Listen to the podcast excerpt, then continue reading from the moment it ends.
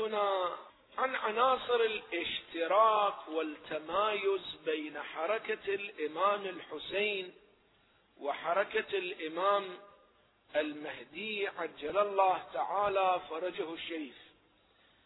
اليوم نتناول عنصر آخر من عناصر الاشتراك نسميه عنصر الاشتراك في فلسفة التحرك. هناك مجموعة نقاط تمايز بين حركة الحسين وبين حركة الإمام المهدي. تمايز يعني هذه بشكل ذيك بشكل آخر. لكن هناك عناصر اشتراك من جملتها الاشتراك في فلسفة التحرك. وهذا ما سأتحدث عنه اليوم متنقلا من محور إلى محور آخر. لكن أضع في ذهنكم جميعا أنه هناك عناصر تمايز أيضا. مثلا الحسين عليه السلام قتل شهيدا ولم ينتصر بالبعد العسكري لكن إمامنا المنتظر سوف ينتصر. الإمام المنتظر سوف ينتصر. الإمام الحسين لم يحكم دولة ولكن الإمام المنتظر سوف يحكم دولة ودولة عالمية ليس فقط في حدود العراق. إذا هذا عنصر تمايز. الإمام الحسين لم يفتح له العالم بينما الإمام المنتظر يفتح له العالم. حتى يدق أبواب الروم والصين وتفتح له الروم والصين. وهذه أقصى بقاع الأرض يومئذ كأمثلة. الروم والصين يعني هي يومئذ ماكو قارة استراليا ما مكتشفة. قارة أمريكا ما مكتشفة.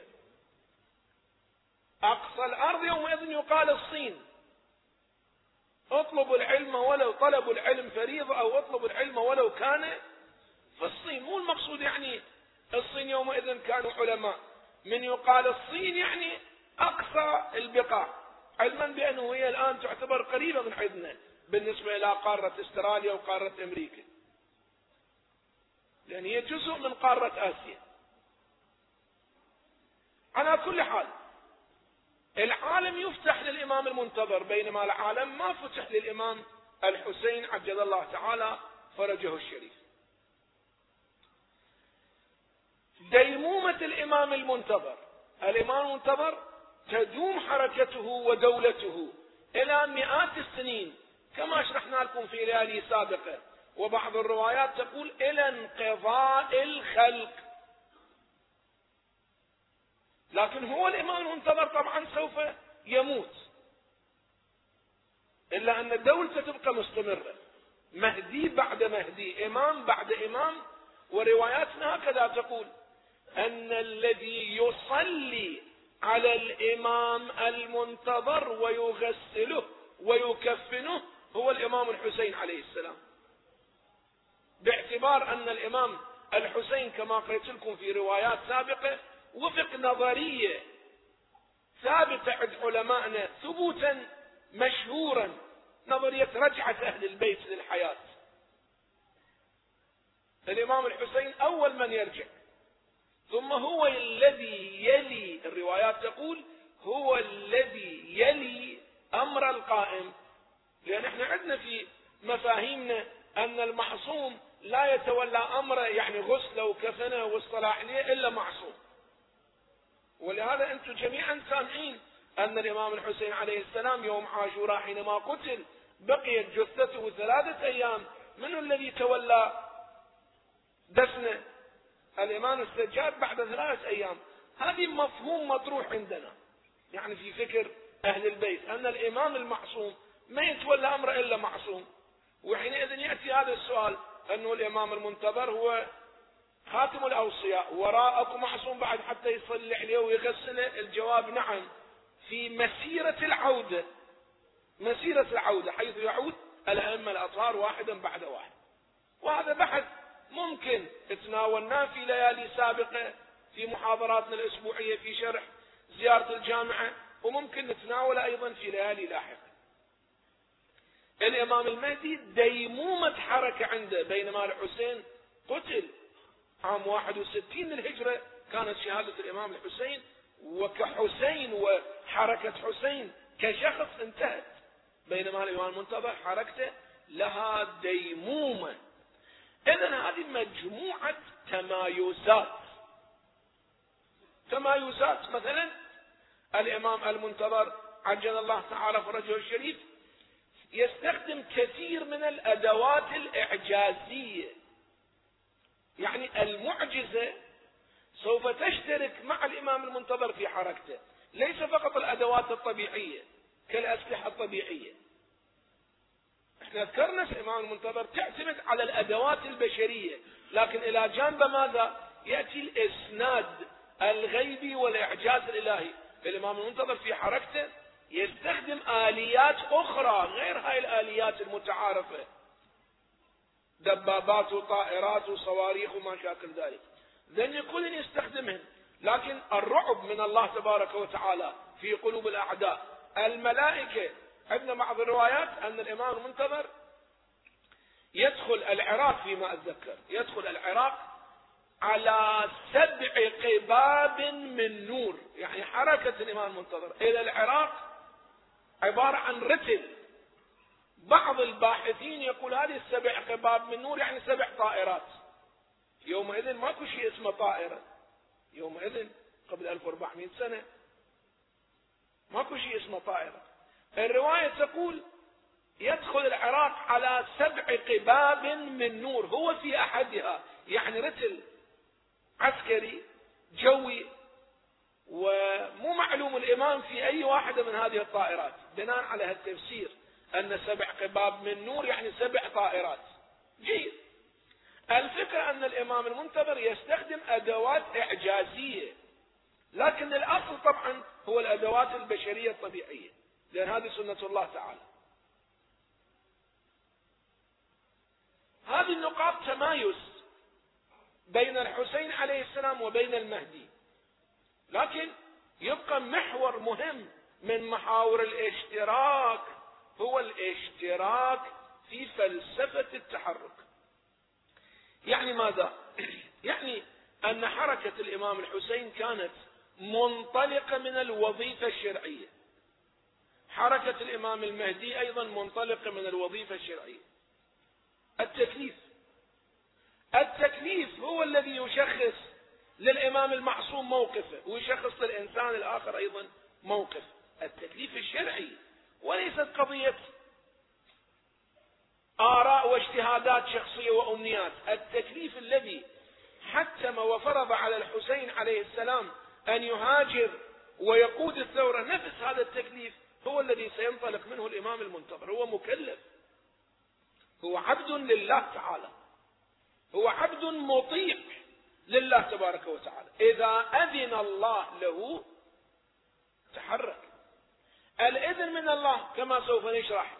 مرتبط بالواقع البشري بقانون يعني بمقاسات إسلامية. مقاسات الإسلامية قانون قرآني إن الله لا يغير ما ما بأنفسه. يعني إحنا نفترض أنه هناك مجتمع سعيد سيكون في آخر الزمان بحيث ذاك المجتمع السعيد تمشي المرأة من العراق إلى الشام لا تطأ قدمها إلا على زرع يعني ثروة زراعية واسعة حتى يصطلح الذئب مع الشاة. هذا المجتمع السعيد. لنفترض أن هذه الروايات كما أشرنا إلى ذلك.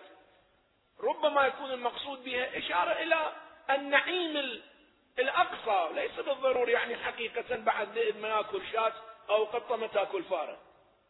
حتى شنو يعني فائدته أن القطة ما تأكل فارة؟ يعني شنو هذه فرد؟ يعني رحمة مو معلوم. هو الرحمة أن القانون الحيواني يكون حاكم البزونة تأكل فارة هي هذه رحمة. لكن الروايات اللي تعطينا أمثلة تقول تصير حالة وئام عالمي وئام عالمي. السماء تمطر الأرض تنبت الحيوانات تكثر. رحمة عالمية. جيد. بهالمعنى مقبولة ومفهومة. وإحنا مو مضطرين لحملها على معاني أخرى لأن ذيك المعاني الأخرى. كما ذكرت لكم في ليلة من الليالي في ليالي شهر رمضان أسطورة من الأساطير. طبعا هي خرافة وليست صحيحة. أن نوح على نبينا وعليه الصلاة والسلام لما ركب السفينة والسفينة طاولت بهم عدة أيام أحيانا عدة شهور لن زوجين اثنين. كل الحيوانات موجودة بها من جملة ما موجود فيها أعرض بخدمتكم يعني الفيل موجود فيها إلى الأسد موجود فيها إلى الخنزير موجود فيها إلى غير ذلك. لكن كلها مصطلحة ما يعتدي بعضها على البعض الآخر. يعني هذا تعايش سلمي. هذا يسموه تعايش سلمي بزماننا.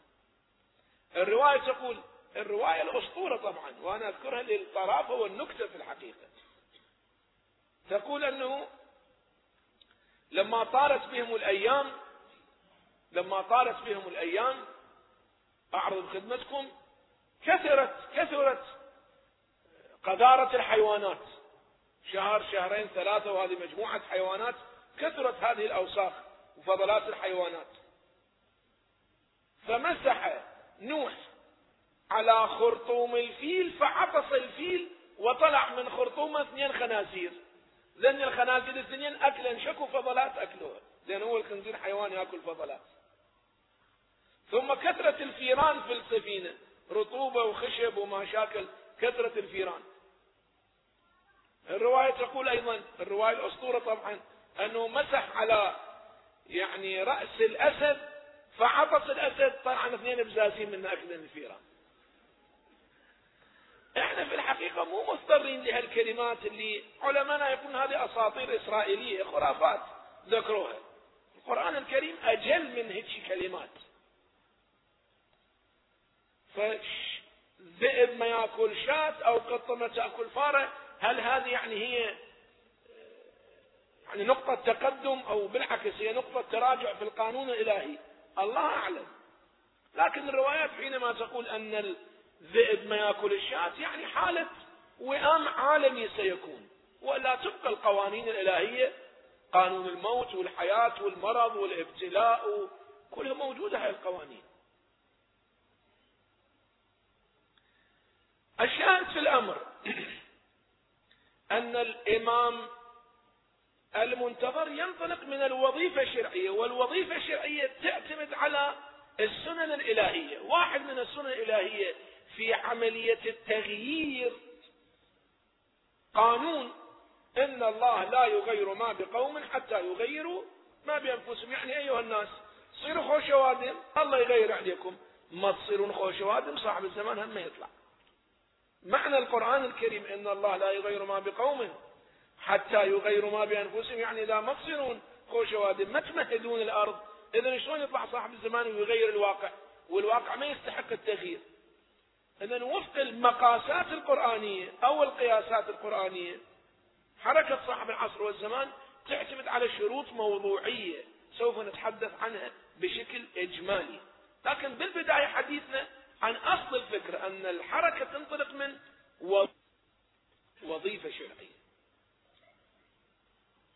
أول مواجهة يخوضها الإمام المنتظر عجل الله تعالى فرجه الشريف مواجهة مع الانحراف الداخلي. وهذا أيضا نقطة اشتراك بين الحسين والمهدي. مواجهة مع الانحراف الداخلي. قبل أن يصير قتال مع الروم ومع الصين ومع اليهود ومع النصارى أول قتال ويا من يصير؟ أول قتال يصير مع اتجاهات منحرفة بقيادة السفياني. يعني تيارات ممكن تكون تيارات سياسية فكرية تحت لواء سفياني. سفياني أموي. المقصود هو حالة نسبية أو حالة فكرية. يعني نفس الاتجاهات الانحرافية اللي كانت في بدايات الإسلام. كما أن حركة الحسين عليه السلام كانت بمواجهة التيار الأموي. لاحظوا حركة الحسين ما كانت مواجهة في البداية مع تيار المشركين. كانت مواجهة مع تيار أموي منحرف. حركة الإمام المنتظر أيضا مع تيار منحرف. الروايات تسميه سفياني. يعني هو نفس الامتداد لخط النفاق اللي فاق. امتداد لخط النفاق. حركة الحسين في أول مواجهة لها مع الانحراف الداخلي. أيضا باسم الإسلام. لأن انحراف معاوية ويزيد بن معاوية هو ما كان باسم النصرانية واليهودية ولا كان بأسماء زندقهم كله باسم الإسلام. تمام؟ باسم الإسلام. السفياني أيضا حركته باسم الإسلام. السفياني أيضا ليست حركته بفلسفات لا دينية وإنما بفلسفات دينية أيضا.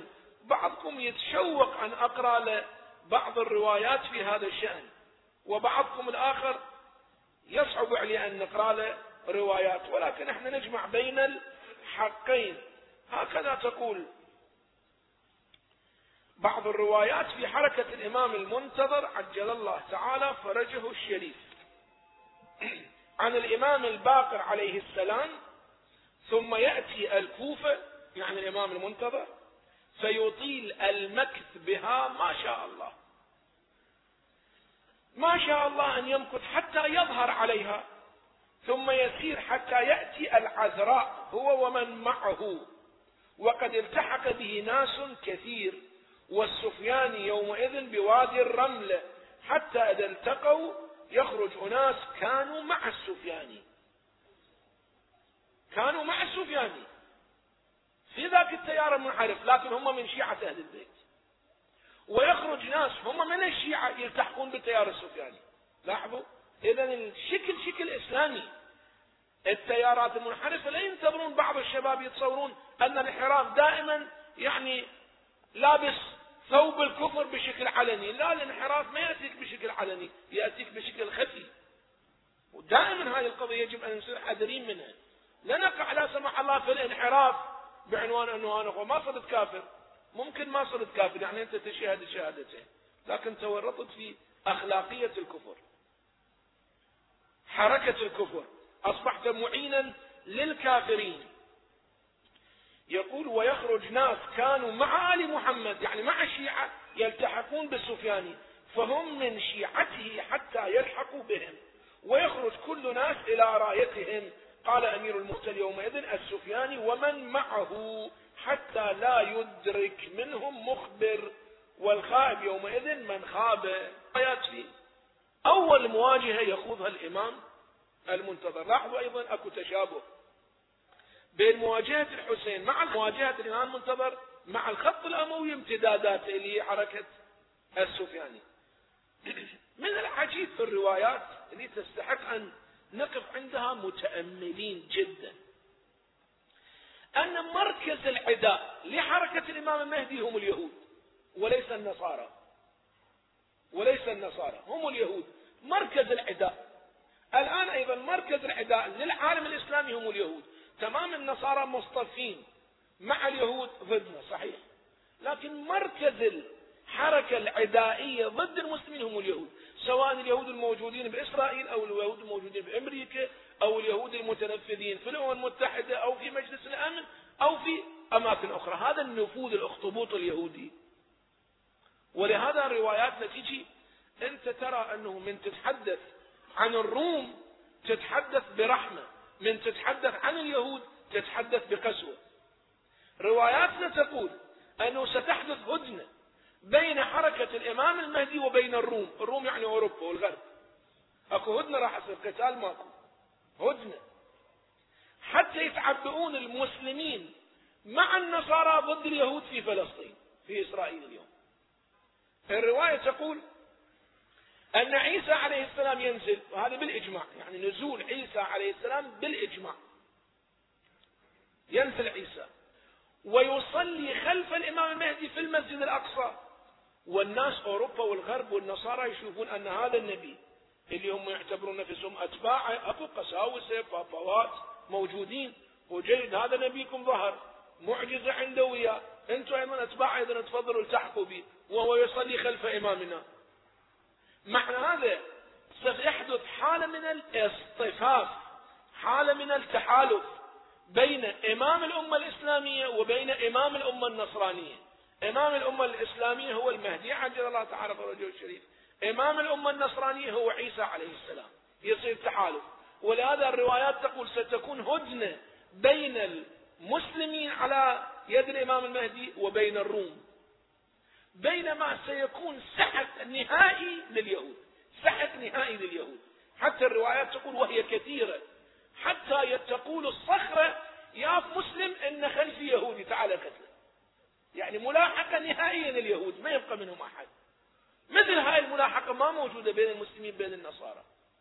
هذه ظاهرة أن اليهود جاي يسوون بالعالم. طبعا هذا المفهوم تلاحظون أن القرآن الكريم يأكد بشيء بشكل ما. من يتحدث عن النصارى ومن يتحدث عن اليهود. أشد الناس عداوة للذين آمنوا اليهود. أشد الناس عداوة للذين آمنوا اليهود. ما قال النصارى؟ بينما من يذكر النصارى على أنه إحنا نختلف وياهم على أنه دخل رسول الله معهم في قتال. ملاحقة لبني النظير لبني قريظة يهود أحيانا نصارى أحيانا. لكن الاتجاه العام أن النصارى يمكن أن يقتربوا من العالم الإسلامي. القرآن يقول ترى أعينهم تفيض من الدمع مما عرفوا من الحق. بعض هؤلاء النصارى إذا اكتشفوا الحقيقة إذا اكتشفوا الحقيقة يقتربون منها. ولهذا أقول لكم بصراحة إحنا عندنا أمل كثير على الشعوب الأوروبية والغربية أن هذه الشعوب سوف تهتدي. والآن إرهاصات الاهتداء بالأفق موجودة يبحثون عن الإصلاح عن المنقذ عن النجاة. هم في حيرة الآن. هم في حيرة. تذكرون هذا حديثي في سفرة من الأسفار كنا مسافرين سنة من السنين في شهر رمضان ربما. وأحيانا في شهر محرم الحرام إلى ألمانيا. هناك بحمد الله تجمعات عراقية. من بركات ظلم صدام. تجمعات عراقية كثيرة. كنا إحنا نروح نزورهم أيام شهر رمضان ومحرم الحرام. هناك في ألمانيا مجموعات كبيرة من الشباب الضائع التائه السايب في الشوارع. ملايين ملايين طبعا. رغم وجود الوفرة والأموال لكنه هذول نظروا لقضية الضلال والانحراف. يؤثرون أن يباتوا بالشوارع والمتروات ومحطات القطارات وما شاكل قلت له صاحبي قلت له تعال خذني ذولا خليني أشوف شلون صايرين. شباب طبعا شباب بمعنى الكلمة. شباب مرفه مدلل جامعي. لكن حايرين دايخين في الحدائق في الشوارع. يعني فلسفة عجيبة فلسفة حتى الابتعاد عن النظافة الابتعاد عن الراحة ما يباتون لا ببيت لا لا يروحون ينظفون نفسهم فشكل آخر قلت له أخذني الدولة خليني أشوف شنو. هذا الكلام. أخذني لهم سلام عليكم السلام. طبعا ما يعرفون هم السلام لكن كتحية بطريقتهم. قلت لهم أنه بعد أن سألتهم عن وضع البؤس اللي عندهم شنو سببه. من العجيب يومئذ وهذا الآن إحنا نذكره والقوات الأمريكية موجودة في العراق. لكن يومئذ قبل أن يسقط جدار برلين بين هؤلاء أنتم شنو سبب البؤس اللي عندكم قالوا سبب البؤس أمريكا. قالوا أمريكا ما تخلينا. هاي مسيطرة على ألمانيا ومعسكراتها. طبعا يومئذ بالفعل. كيف الآن مثلا مشهد الأرتال العسكرية ببغداد يومئذ في ألمانيا أرتال عسكرية وطيران أمريكي يعني مسيطرين تماما. هذا كان يقول للشاب وهم مجموعات مجموعات. كان يقول أمريكا ما تخلينا. أكو شخص جاي في العالم الشرقي. اسمه الخميني. يومئذ الخميني وحركة الإمام الخميني والتيار الإسلامي العالمي قوية. قلت له هذا الشخص جاي يفكر بإنقاذكم. شو تقول أنت؟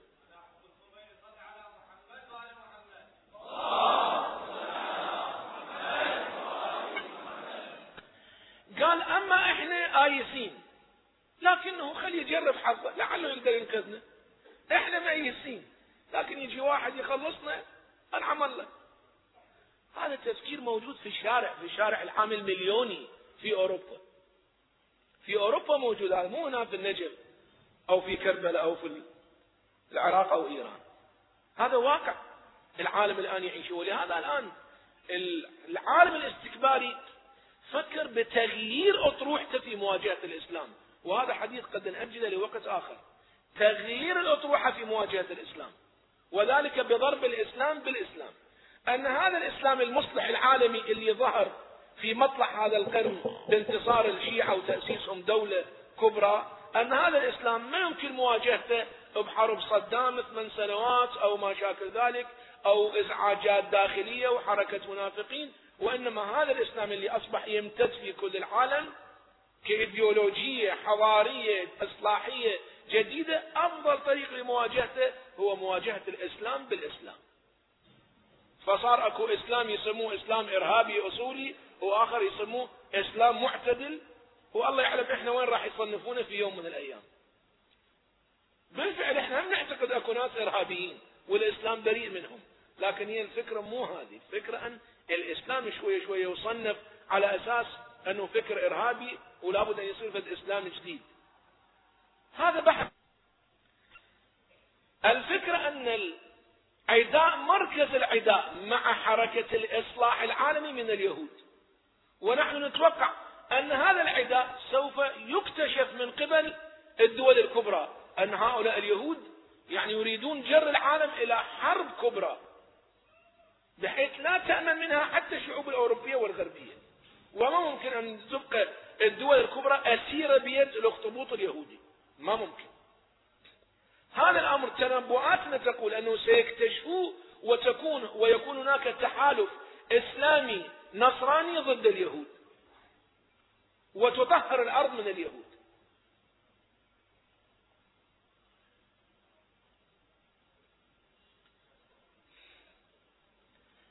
مما يحدث في حركة الإمام المهدي عجل الله تعالى فرجه الشريف مواجهة الدجال. الدجال؟ بإصطلاحين أكو في رواياتنا.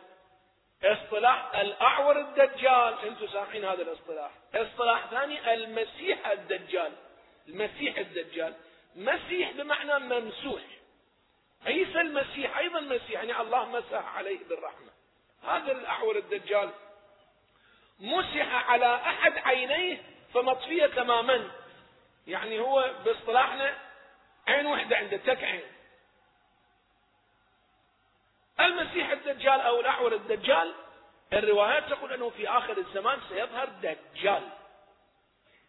دجال هل هو شخص أو هو ظاهرة؟ رواياتنا بشكل عام سواء الواردة عندنا أو الواردة عند أبناء العامة. ليست بعيدة من فكرة أن الدجال ليس هو الشخص مثل السفياني أو اليماني وإنما الدجال عبارة عن انحراف خطير سيحدث في آخر الزمان. حالة الدجل حالة الكذب على الحقيقة وعلى الواقع. بشكل لا نقل ولهذا بعض المفكرين هكذا يفسرون حركة الدجال أنه ليس الشخص الشنن قائد حزب وضع وضع علماني لا. الدجال عبارة عن الحضارة الغربية. يعني هكذا يفسروها. بعض الباحثين أن الدجال يعني هذا الكذب اللي نشوفه اليوم في العالم الغربي الحضارة المادية الحديثة. ممكن نستمر في هذا الفهم تدريجيا. افترضوا مثلا الإعلام العالمي اليوم. أصلا الإعلام العالمي اليوم ما قائم على الحقيقة وإنما قائم هذا الإعلام العالمي شعوب تتحرك. بالكامل تتحرك شعوب. كلها على دجل وهم ماكو حقيقة. اليوم الإعلام هكذا أكو فلتر يسوق الأخبار اللي يردون يفرضوها على الشعوب ويحركون ذيك الشعوب. هذا الدجل في الحقيقة. بعضهم ممكن كان يتصور وهو تطبيق هم لطيف يعني أنه بزماننا المعاصر الفترة الأخيرة كان أكو دجال عراقي معروف اسمه الصحاف. دجال هذا. ما عرف الإعلام العراقي الدجال مثل الصحاف ما عرف الإعلام العراقي الدجال مثل الصحاف الآن بعض الفضائيات دجال بمعنى الكلمة. بعض الفضائيات. حالة دجل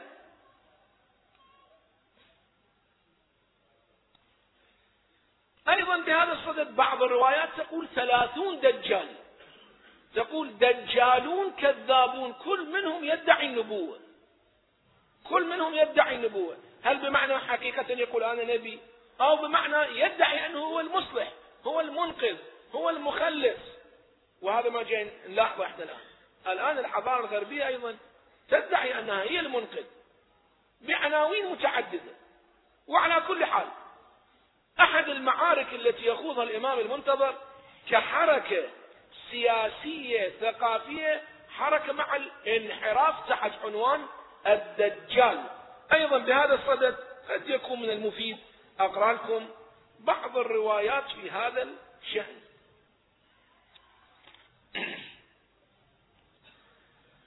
الرواية هكذا تقول عن الدجال. رواية جميلة طبعا ومفصلة. إن الدجال صائد ابن الصيد. صائد ابن الصيد يعني الصياد. كيف يخدع الشباب ويصيدهم؟ كيف يصيد الشباب في شباك الانحراف؟ يعني صياد ابن صياد. تمام؟ الآن الأفلام الخلاعية والفضائيات صياد ابن صياد.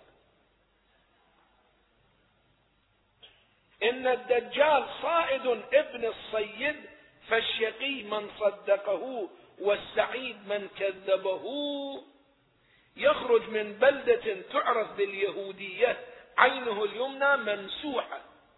ممسوحة مسح يعني مو أنه مطفي لا ممسوحة تماما.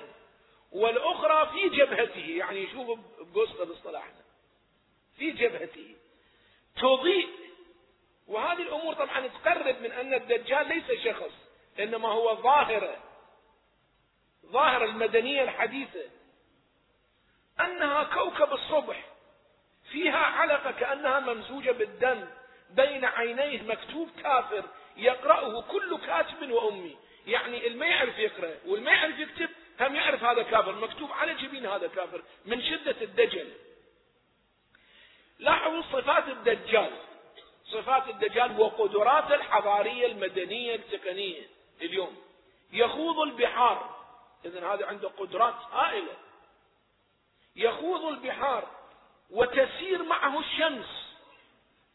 يعني ليس الشمس هذا يمشي وياه لكنه يعني يغزو ويكتسح القارات في نهار واحد. الشمس أن تمشي وياه مدغي. وتسير معه الشمس بين يديه جبل من دخان قنابل الذرية. الرؤوس النووية. هذا طبعا على مستوى التمثيل وأنا سوف أحدثكم أنه هناك اتجاه يميل في فهم هذه الروايات نسميه الاتجاه التمثيلي. يعني مو بالضروري المقصود هو هكذا. مثل ما قلنا في قباب من نور البعض يقول يعني طائرات. اتجاه تمثيلي يريد يمثل. كيف يمثل القضية؟ هكذا يقول. يقول بين يديه جبل من دخان. وخلفه جبل أبيض. يرى الناس أنه طعام الثروة الاقتصادية الكبيرة الدولار. كمثال طبعا إذا مشينا مع الاتجاه التمثيلي. وخلفه جبل أبيض يرى الناس أنه طعام يخرج في قحط شديد. تحته إلى أن يقول تحته حمار أقمر. خطوه خطوة حماره ميل. يعني خطوة واحدة يقطع مسافة ميل. حركة الوساطة النقلية بهالزمان الجوية أو والأرضية يومئذ ماكو شيء اسمه سيارة فيقول حمار يعني وسيلة نقل. لتوضيح الأمثلة هذه تط منهلا ولا يمر بماء إلا غار يعني أي منطقة يسيطرون عليها يصير بها خراب بخلاف ما يدعوه أنهم إصلاح وإنما يصير خراب ويصير مشاكل. إلا غار إلى يوم القيامة ينادي بأعلى صوته يسمعه ما بين الخافقين من الجن والإنس والشياطين يقول إلي أوليائي أنا الذي خلق فسوى وقدر فهدى أنا ربكم الأعلى. في اليوم الغرب هكذا يقول. اليوم الغرب هكذا يقول بلسان الحال. إلى آخر الرواية الطريفة طبعا ولا أستطيع أن يعني أطيل في الوقوف عندها. رواياتنا بشكل عام ليست بعيدة عن فكرة أن الدجال ليس شخص إنما هو ظاهرة الدجل والكذب والانحراف العميق عن الأصالة الإسلامية.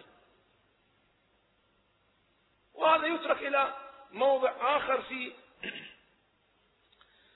يعني التعريف بشخصية هذه يعني المعارك التي يخوضها الإمام المنتظر. نرجع إلى ما ذكرناه أن الإمام الشرعي مثل ما الحسين عليه السلام انطلق من الوظيفة الشرعية. هو مكلف هو عبد لله تبارك وتعالى. الوظيفة الشرعية تتلخص في مسألة إقامة الإصلاح والنهي عن المنكر والأمر بالمعروف. كما شرحنا لكم في الليلة الأولى من محاضراتنا هذه. هذا التكليف ولتكن منكم أمة يدعون إلى الخير ويأمرون بالمعروف وينهون عن المنكر. الإمام المنتظر ينطلق من هذا المنطلق لكن التكليف بالنسبة إلي يشخص المجتهد. بالنسبة للإمام المعصوم هو يشخص التكليف. ولهذا بعض رواياتنا تقول هلك المستعجلون. يحضر التكليف. ليش ما يظهر ويخلصنا؟ هو يظهر مو كيفك مو أنت تشخص التكليف للمعصوم. المعصوم هو يشخص التكليف.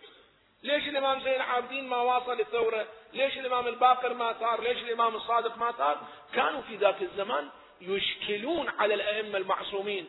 أنه أنتم خلدتم إلى الدعة والراحة. مثل الآن في زماننا يشكلون على المراجع.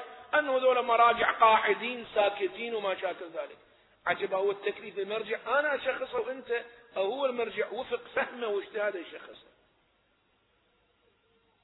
المعصوم هو الذي يشخص التكليف. الموقف أن اليوم ثورة أو مو ثورة. اليوم انتخابات أو مو انتخابات. اليوم مصالحة أو مو مصالحة. وما شاكل ذلك. هذه فهمنا لحركة الأنبياء وحركة الأئمة الأطهار عليهم أفضل الصلاة والسلام. المعصوم هو الذي يشخص التكليف وبانتظار ما نسميه الشروط الموضوعية. لابد تتوفر شروط في الواقع الخارجي تساعد على حركة الإمام المنتظر وتشجع على هذا التحرك. مثل ما الإمام الحسين عليه السلام يعني بعض ممكن ما يتصور أن الإمام الحسين متى ثار عشر سنين الإمام الحسين في ظل حكومة معاوية وما ثار عشر سنين. لما هلك معاوية استجدت ظروف موضوعية دعت الحسين عليه السلام للقيام بثورة. إذا هل يمكن لواحد أن يسأل يقول عجب الإمام الحسين عشر سنين ليش ما ثار هو يشخص الشروط الموضوعية. أن الآن الظرف يستحق ثورة أو يستحق الصمت والانتظار. الإمام المنتظر هو يشخص متى تتوفر الظروف الموضوعية للثورة؟ هنا راح نوصل إلى محور جديد في البحث لطيف بالنسبة لكم. أن هناك علامات وهناك شروط. التراث التاريخي عندنا يذكر مجموعة علامات. وبعض الناس يبحث عن هاي العلامات. بينما يا إخوة أكو فرق بين ما هي العلامات وبين ما هي الشروط. الإمام ينتظر الشروط. علامات كحقائق تاريخية جاءت بها نبوءات. صحيحة دقيقة غير دقيقة. لكن أكو فرق بين ما هي الشروط وبين ما هي العلامات. أنا أذكر لكم بعض العلامات اللي أشرنا إلى بعضها أيضا سابقا. مثلا من جملة العلامات اللي تسبق ظهور المهدي المنتظر من جملة العلامات. خسف بالمشرق وخسف بالمغرب. هاي الروايات تقول يعني زلزال عظيم في غرب الأرض وزلزال عظيم في شرق الأرض. هذا عجبا كان أو سيكون ممكن ينطبق على زلازل كثيرة أصابت الغرب وأصابت الشرق. وممكن بعد ما متحقق ممكن راح تشهد البشرية زلزال عملاق. لا مثيل له في الشرق واخر في الغرب. هذا واحد من العلامات. لكن هذا مو شرط خروج المال المهدي. هذه علامة. يعني لابد يتحقق هذا الأمر وأنتم لا تستعجلون. هيك أمور لابد تصير. من جملة العلامات مثلا موت أبيض وموت أحمر. أنا ما راح أقرأ لكم الروايات لأن يكون طويل عليكم البحث. موت أحمر وموت أبيض. طبعا ماكو شيء عندنا موت أحمر وهو الموت موت. لكن ممكن يكون إشارة إلى موت أحمر يعني دموي حروب وموت أبيض يعني ليس موتا دمويا وإنما بأمراض فتاكة تصيب البشرية. الرواية تقول حتى يذهب ثلث الناس ثلث الناس يعني إذا الآن البشرية أربع مليارات يرحون أربع مليارات موت أحمر وموت أبيض. الآن من حق الباحثين أن يفكروا هذا شلون يصير؟ هل المقصود حرب عالمية صارت الأولى صارت الثانية؟ هل إحنا بانتظار حرب عالمية ثالثة؟ هذه كلها في الحقيقة يعني لا تسمن ولا تغني من جوع. هاي القضية هاي علامات. ممكن تطبقت على الحرب العالمية الأولى والثانية. وممكن ننتظر تطبيقات أخرى لها المهم بالنسبة لنا أن نوفر الشروط لحركة الإمام المنتظر. الموت الأبيض ممكن نفسره بالسرطان. كما يفسروه بعض ال... في بعض الروايات أيضا كذلك. الطاعون. لكن اليوم ممكن نقدم له تفسير آخر. ممكن. لا سمح الله. لو أن مرض الإيدز فتك بالعالم. مليارات راح يسقطون في فترة وجيزة. عشرين مليون مصاب بمرض الإيدز. هذا موت أبيض هذا مو موت أحمر. لو أن هذا الوباء انتقل للشعوب وينتقل انتقالا سريعا نتيجة الإباحية في الحضارة الحديثة. بدل عشرين مليون سيصاب مليارين بالإيدز. ينتشر سريعا وغير قابل على السيطرة بسهولة. ممكن يكون إشارة إلى الموت الأبيض إشارة إلى هذا المرض الحضاري. رضوان الله على سيدنا الشهيد شهيد المحراب كان يسمي الإيدز. يقول هذا مرض حضاري وهي عقوبة الله لهؤلاء البشر. البشر لما انحرفوا عن القانون الطبيعي. الله يعاقبهم هيك عقوبة مرض إيدز ما يدرون شنو هذا المرض. شلون يتخلصون منها ما يدرون. مشكلته انحراف عن قانون الطبيعة اللي الله تعالى خالقه مركبة في الإنسان. هذا مرض حضاري وعقوبة إلهية على هؤلاء الناس. ذهاب ثلثي الناس هذه من العلامات. سقوط العراق بيد الأتراك من العلامات.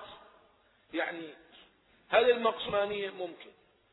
وممكن لا سقوط آخر. الحمد لله الآن الأتراك هم يطالبون بكركوك وشمال العراق وما شاكل ذلك الروايات تقول أن الأتراك يسيطرون على العراق وبالفعل هم سيطروا على العراق. العراق كان تحت ظل الحكومة العثمانية التركية وليست الإسلامية.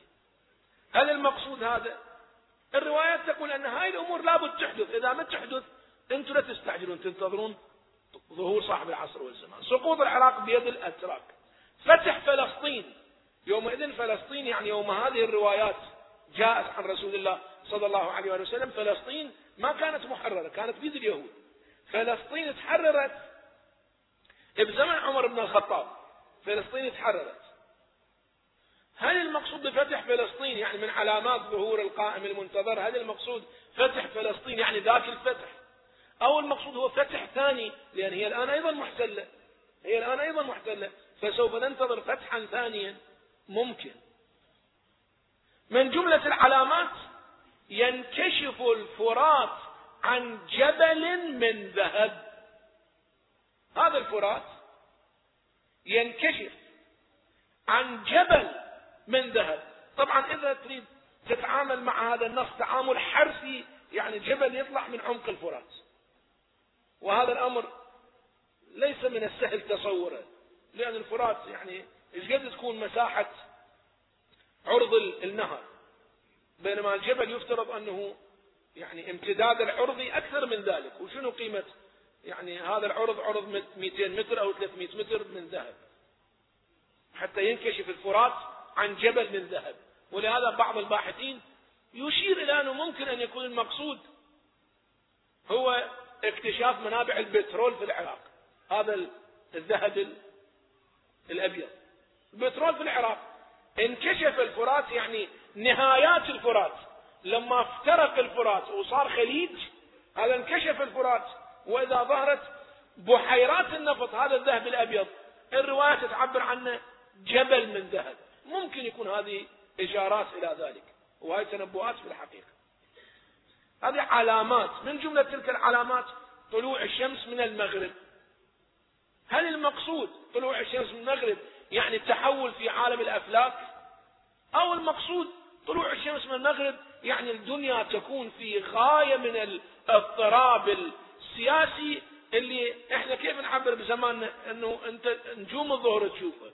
مو المقصود يعني نجوم الظهر صدق يعني تطلع بالظهر. وإنما تحولات إزعاجات بدرجة يصير كأنك تقول أن الافلاك مقلوبة. هو مو مقلوب الافلاك واقعنا على الأرض هو منقلب. الرواية تقول طلوع الشمس من المغرب. رواية تقول لا يظهر أو لا يقوم قائمنا حتى تزول الجبال. يعني المقصود به أن الجبال تزول بعد ماكو جبال أصلا الكرة الأرضية أو المقصود حتى تزول الجبال يعني تكون درجة المعاناة بمستوى أن الجبال تنهار. كل هذا ممكن تقارب الزمان. كما تلاحظون كيف أيامنا سريعة. هذه الروايات تعبر عن ذاك اليوم. تعبر عن تقارب الزمان ومن جملة تلك العلامات المروية في كتب أبناء العامة في كتبنا لما عثر عليها بشكل يعني يمكن يعتمد عليه ظهور وعودة ياجوج وماجوج. ياجوج وماجوج. هذه أئمة السنة يتحدثون عن هذا والحقيقة أنا وقفت مستغربا. أن ياجوج وماجوج اللي هم ما قبل الميلاد القرآن الكريم يحدث عنهم. ولعلي أقرأ لكم شيء من هذه الآية وإن كان الوقت أصبح يداهمنا جدا. ممكن أجله إلى ليلة لاحقة. عودة ياجوج وماجوج. هم ذول ياجوج وماجوج من هم؟ ناس اثنين أو أمم. بعضهم يقول ياجوج وماجوج يعني التتر المغول. والسد اللي القرآن الكريم يشير إليه هل المقصود ذو القرنين اللي بنى لهم سد؟ هو هل المقصود هو جدار الصين اللي هو أضخم سد الآن على الكرة الأرضية؟ من المعاجز والعجائب الثمانية في هذا الزمان. أو هو سد الإسكندر المقدوني.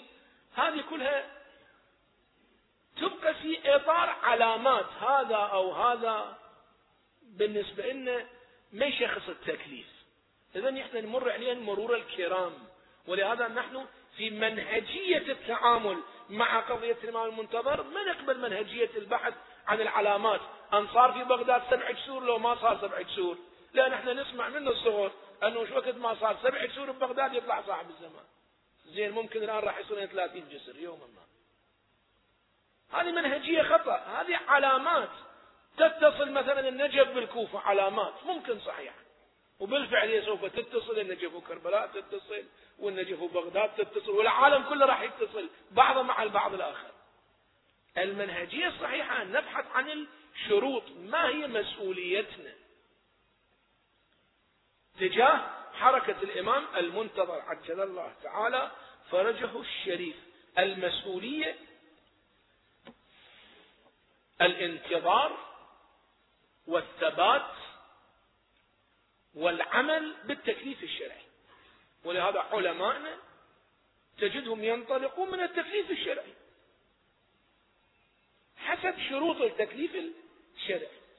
مسؤوليتنا مع الإمام المنتظر الثبات والانتظار والدعاء له بالفرج والعمل بالتكليف الشرعي. وأنا أختم يعني هذه الأفكار بقراءة مجموعة روايات نافعة لكم إن شاء الله تعالى. الرواية تقول عن الإمام الباقر عليه السلام يأتي على الناس زمان يغيب عنهم إمامهم فيا طوبى للثابتين على أمرنا في ذلك الزمان. إن أدنى ما يكون لهم من الثواب أن يناديهم الباري جل جلاله عبادي آمن بسري وصدقتم بغيبي فأبشر مني فأنتم عبادي وإمائي حقا منكم أتقبل وعنكم أعفو ولكم أغفر وبكم أسقي عبادي الغيث وأدفع عنهم البلاء. أما ثواب الانتظار عن الإمام الصادق عليه السلام من مات منتظر بمعنى صبور في المواقف أمام الهزات السياسية والهزات الفكرية. هذا معنى منتظر وليس معنى قاعد بالبيت. من مات منكم وهو منتظر لهذا الأمر كمن هو مع القائم في فسطاطه فسطاط يعني الخيمة. يقول هذا المنتظر في آخر الزمان هو كأنه مشارك مع الإمام المنتظر في خيمته وفي جيشه وفي دولته حتى إذا كان قبل الإمام. نحن الآن وفي مختلف الأزمنة نواجه تحديات سياسية وتحديات فكرية تحتاج إلى ثبات. سؤال أنتم كلكم سامعين أنه شنو فائدة الإمام المنتظر؟ هذا أجل الجواب عنه إلى غد. في مناقشة فلسفة مطروحة في زماننا مع الأسف بعض المسلمين تأثر بها. الفلسفة أو النظرية البرغماتية النفعية نتعامل مع القضايا والحقائق على أساس كم أستفيد منه أنا كنت أقرأ لبعض الكتاب مسلمين لكن أنت ما تجد طعم الإسلام في كتاباتهم. أنه نحن لا نقبل من الحقائق إلا مقدار ما ينفعنا آنيا وفعليا. الصلاة إذا فعلا أستفيد منها أقبل. ما أستفيد منها تقول لي يوم القيامة تستفيد أنا هذا ما أقبله. الصوم الآن يثبت بالتجربة أن الصوم يفيدني أصوم. أما إذا الصوم ما يفيدني بالتجربة ولا أنا مستفيد منه حر وعطش وسوء أخلاق تصير عندنا. إذا هذا الصوم أنا ما أريده.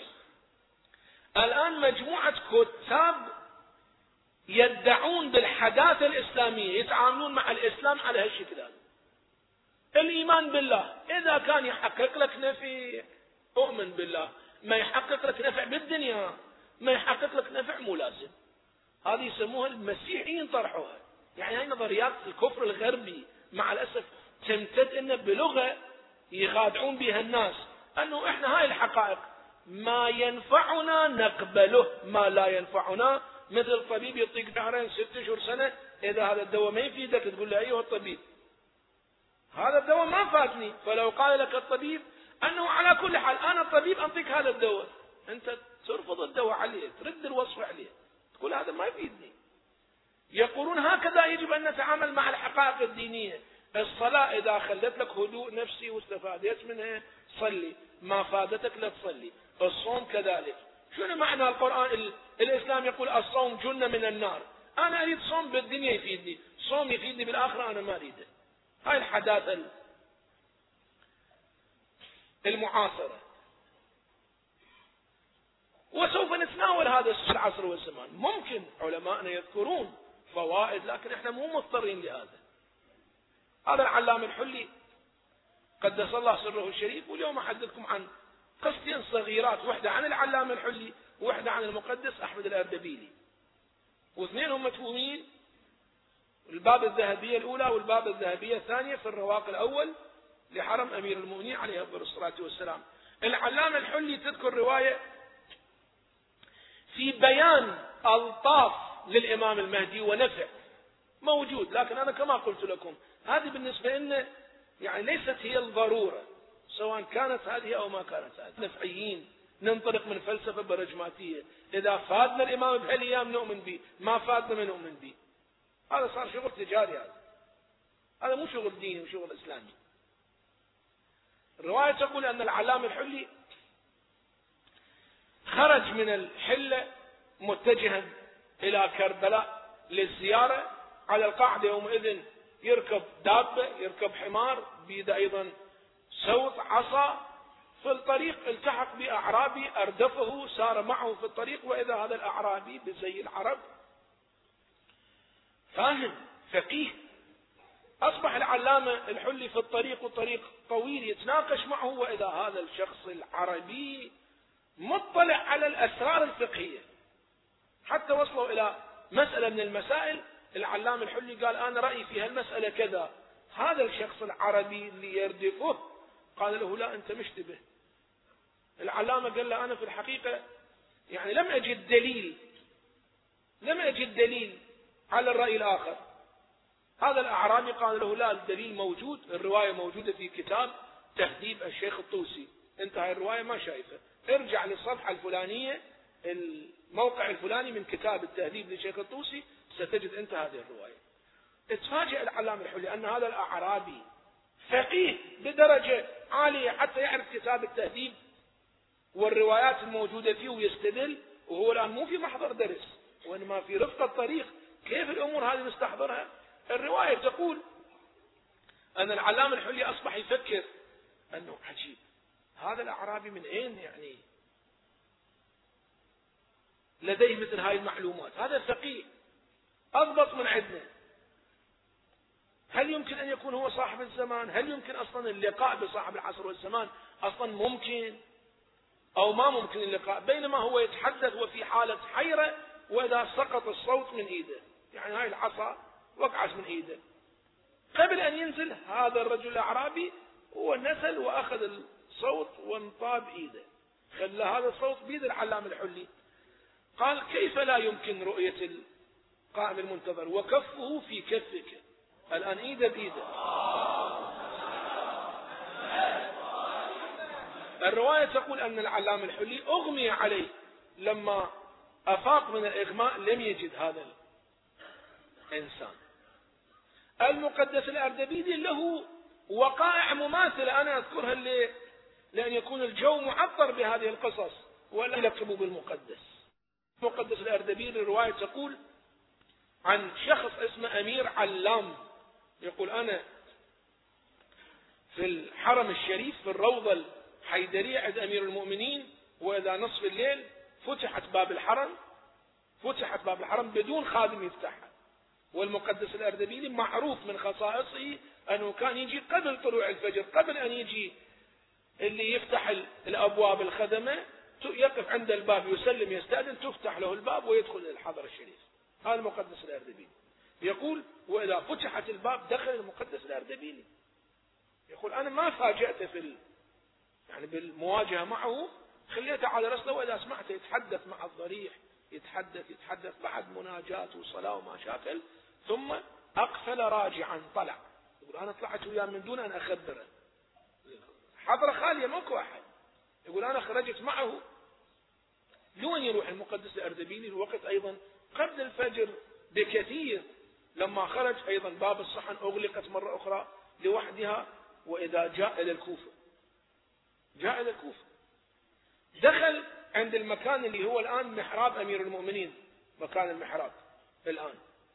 وسمعته يتحدث يتحدث يتحدث يتبادل الحديث. لما انتهى أقبلت عليه قلت له أنا اطلعت على وضعك من النجف إلى الكوفة. بالله عليك أخبرني شنو السر اللي أنت عندك. يقول بعد ما رآني أنا اطلعت على واقع قال أنا عندي مسائل عادة أجي إلى أمير المؤمنين وأحل مسائل عند أمير المؤمنين. هذه المرة إجيت الإمام قال لي تروح إلى الكوفة تطرح هذه مسائلك إلى ولدي القائم وهو سيعطيك الجواب.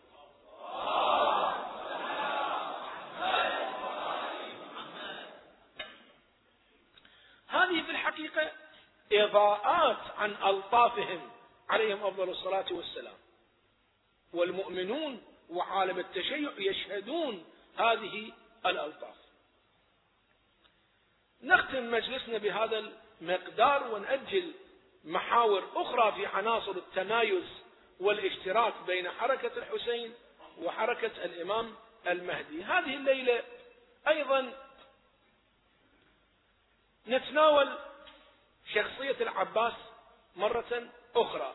لكن قبل أن أتناول شخصية العباس بعض الأخوة كان يطلب مني أو يرى من الراجح أن نقوم بجمع تبرعات لمشاركة الناس في ثواب هذه المجالس. طبعا أنا أقول لكم من يشارك يشارك من لا يشارك هي الأمور ماشية بأفضل حال. ولكن الحقيقة أنا هكذا أفكر أن الإسلام يريد يربينا على الإنفاق يعني نشارك أن نعطي شيء باسم الإمام الحسين. نعطي شيء باسم الطعام يوم عاشوراء. نعطي شيء باسم هذا المجلس. نعطي شيء باسم المساجد والحسينيات. هذه الصدقة عنكم وثواب لكم. ولهذا أنا الآن باسم مجلس الحسين عليه السلام وصدقة عن أمواتكم وعن أنفسكم. أنا أدعوكم للإنفاق في سبيل الله وأطلب من عشرين واحد من الرجال وخمسة عشر من النساء. بتقومون تجمعون خلال دقيقة واحدة. بإذن الله صلوا على محمد وآل محمد. سريعا وتوكلوا على الله واقصدوا واطلبوا حاجتكم أيضا عندما تدفعون باسم الحسين عليه السلام المجلس يستمر بالصلاة على محمد وآل محمد. وقد ملأ البوادي صيحة صم الصخور لهولها تتقسموه. أخي من يحمي بنات محمد إن صرنا يسترحمنا من لا يرحمه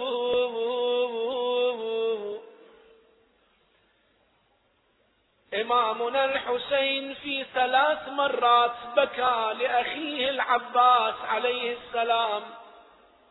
المرة الأولى لما جاء أبو الفاضل يستأذن من الحسين الرواية تقول الحسين عليه السلام اغرورقت عيناه بالدموع وهو يأذن لقمر العشيرة قمر بني هاشم. هذا البكاء الأول. هناك بكاء ثاني أشد من البكاء الأول وذلك إمامنا الحسين عندما جلس عند رأس أخيه العباس وجسده وهو صريح على نهر العلقم. الرواية تقول الحسين لما سمع النداء من العباس أقبل إليه جلس عنده وكان العباس مغمى عليه. بكى الحسين سقطت دموعه على وجه العباس أفاق العباس لم يدري من هو هذا الرجل عنده؟ لأن العباس عين من عيونه كان السهم قد أطفاها والعين الثانية كان نزيف الدم قد نزل عليها فأصبح العباس لا عينين فيبصر بهما. والآن أكو رجل جالس عنده الرواية تقول قال يا هذا بالله عليك لا تقتلني حتى يأتي أخي الحسين فأودعه ويودعني. قال أخي أبا الفاضل أنا أخوك الحسين. هذا هو البكاء الثاني هناك بكاء ثالث. أشد من هذه الحالات السابقة وذلك حينما رجع الحسين إلى الخيام وليس معه العباس الرواية تقول هالمرة الحسين اجى خلف الخيام؟ يعني ما يقدر يطب للخيمة. شي يقول للنساء؟ وين العباس؟ أخذ الحسين يكفكف الدموع بكمه وهو خلف الخيام مناديا يا زينب يا أم كلثوم خرجنا النساء خرجت سكينة قالت أبا أين عمي العباس؟ خرجت زينب منادية وضيعتنا بعدك أبا الفاضل. المؤرخون يقولون أن الحسين أيضا قال وضيعتنا بعدك. يعني يا أبا الفاضل الحسين أيضا بعدك ضائع. وضيعتنا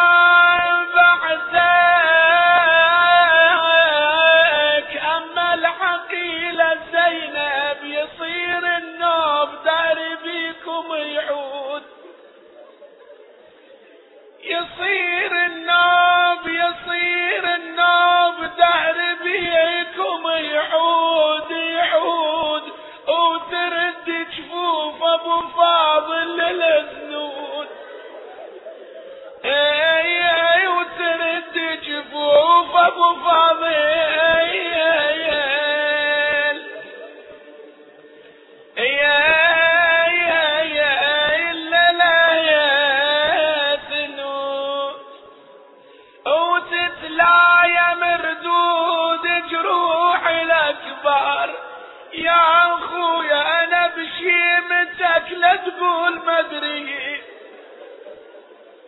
أنا بشيمتك لا تقول مدري مدري وأنا خايفة ينهتك ستري. أنا أتصور العقيلة زينب هنا من حقها أن تتذكر حامي حماها.